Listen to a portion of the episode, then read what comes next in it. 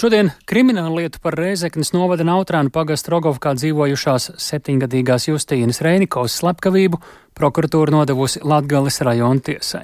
Līdz ar to lietā, kas pagājušā gada mājā satricināja visu Latviju, līdz šim policija vai prokuratūra nebija publiski atklājusi slepkavības apstākļus, un šobrīd ir savāks pietiekami daudz pārliecinošu pierādījumu, lai lietu nodot izskatīšanai tiesā. Un zināms arī, ka drošības līdzeklis abām personām, viņas vecākiem, vēl aizvien ir apcietinājums. Un šobrīd mēs tiešsaistē esam sazinājušies ar Madaru Bērtiņu Reizeknē. Madara, ko vairāk par notikušu apstākļiem mēs šodien uzzinājām, jo es saprotu, tā bija pirmā reize, kad oficiāli ir eh, skaļi pateikts, kas tur īsti ir noticis, kādā stadijā arī šobrīd ir vispār kopumā krimināla procesa. Eh, jā, labdien! Tieši tā, eh, kādu notikumu attīstību un jaunumus gaidīja nevien, eh, nevien rogaukieši, bet būtībā visa Latvija. Un eh, sākumā es nedaudz atgādināšu klausītājiem par Justīnas lietu. Tātad eh, pagājušā gada maijā, 5. maijā, tika saņemta informācija, ka Rēzeknes novada Nautrēna pagasta Rogaukā bez vēsts pazudusi septiņgadīgā Justīna Reinikova. Dažādi meklēšanas pasākumi ilga pusotru mēnesi, un tajos iesaistījās nevien likumsargi, bet arī vairāki simti brīvprātīgo. Jāteic gan, ka jau kopš pirmajām meitenītes pazušanas dienām dienām policija strādāja pie vairākām versijām, tostarp, ka pret meitenīti varētu būt pastrādāts noziegums. Tas apstiprinājās, un 20. Eh, jūnijā policija aizturēja meitenītes tēvu un pamāti. Eh, jā, kā jau runājām, šodien prokuratūra informēja arī par slepkavības apstākļiem. Tātad abas apsūdzētās personas, Justīnas tēvs Vladimirs un pamāte Sandra, eh, savā dzīvesvietā esot lietojuši alkoholu un sākuši savstarpēju strīdu saistībā ar mazās Justīnas audzināšanu audzināšanu un aprūpi.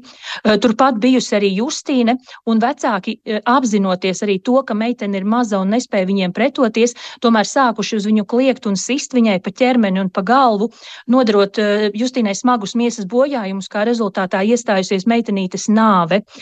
Pēc tam, lai slēptu nozieguma pēdas, meitenes līķis tika noslēpts pamestas mājas pagrabā vairāku desmitu kilometru attālumā no viņu dzīves vietas Rogovkā. Eh, savukārt policija un sabiedrība tika maldināta par Justīnas pazušanu.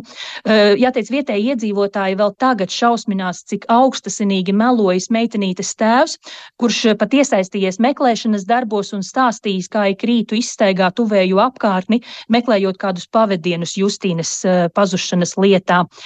Tagad, vairāk nekā pusgadu pēc eh, ilgušas, tātad pusgadu ilgušas izmeklēšanas, esot savākts pietiekami daudz pārliecinošu pierādījumu, lai tēvam un pamātei izvirzītu vairākas apsūdzības, tostarp par slepkavību. Paklausīsimies, ko par izvirzītajām apsūdzībām stāsta eh, Austrum Latgales prokuratūras virsprokurore Rita Zeiliņa. Lietā ir apsūdzētas divas personas, un pie krimināla atbildības ir saukti gan par cietsirdīgu un vardarbīgu apiešanos ar mazgadīgo, ja ar to mazgadīgajam ir nodarītas fiziskas un psihiskas ciešanas, kā arī par slepkavību pastiprinošos apstākļos, bet jā, apsūdzības slepkavībā ir abiem, ar abām personām. Viena persona neatzīst savu vainu, otra persona atzīst daļēji tieši jautājumā par cietsirdīgu un vardarbīgu apiešanos, nevis par slepkavībām. Tiesvedības gaitā tad noteikti prokuroram arī būs jāvērtē un jālemj eh, par to, kāds sots eh, ir adekvāts uz tiesvedības arī beigām. Prokurore tad arī izlems par to, cik bargs tiks prasīts sots par nodarītajiem noziegumiem. Bargākais eh, soda veids, ko var piemērot tiesa par slepkavību pastiprinošos apstākļos, tas ir mūža ieslodzījums. Jā, šodien sazinājos arī ar apsūdzēto advokātiem. Abi sacīja, ka viņu klienti nevēlas, lai uh, tiktu sniegti kādi plašāki komentāri. Vienīgi aizdomās uh, turētās sievietes advokāts izstāstīja, ka tieši šodien bijusi sēde par drošības līdzekļa maiņu, taču tiesa lēmusi to negrozīt, proti uh, apsūdzētā arī turpmāk paliks apcietinājumā Ilģu, ciem, Ilģu ciemas sieviešu cietumā. Uh, savukārt tēvam sēde par iespējamo drošības līdzekļa maiņu notiks šo trešdien. Un uh, noslēgumā vēl piebildīšu, ka šajā pēcpusdienā Latgales rajona tiesa lēma, ka Justīnas lieta tiks skatīta Ludzā, un nedēļas laikā varētu būt zināms jau pirmās tiesas sēdes datums. Tāli. Paldies Madrai Bērtiņai no Latvijas radio Latgales studijas. Tātad šodien um, nodot krimināla lieta par Justīnas slepkavību tiesai un arī līdz ar to plašāka sabiedrība uzzina oficiālu versiju par to, kas tad varētu būt noticis šajā šīs slepkavības lietā.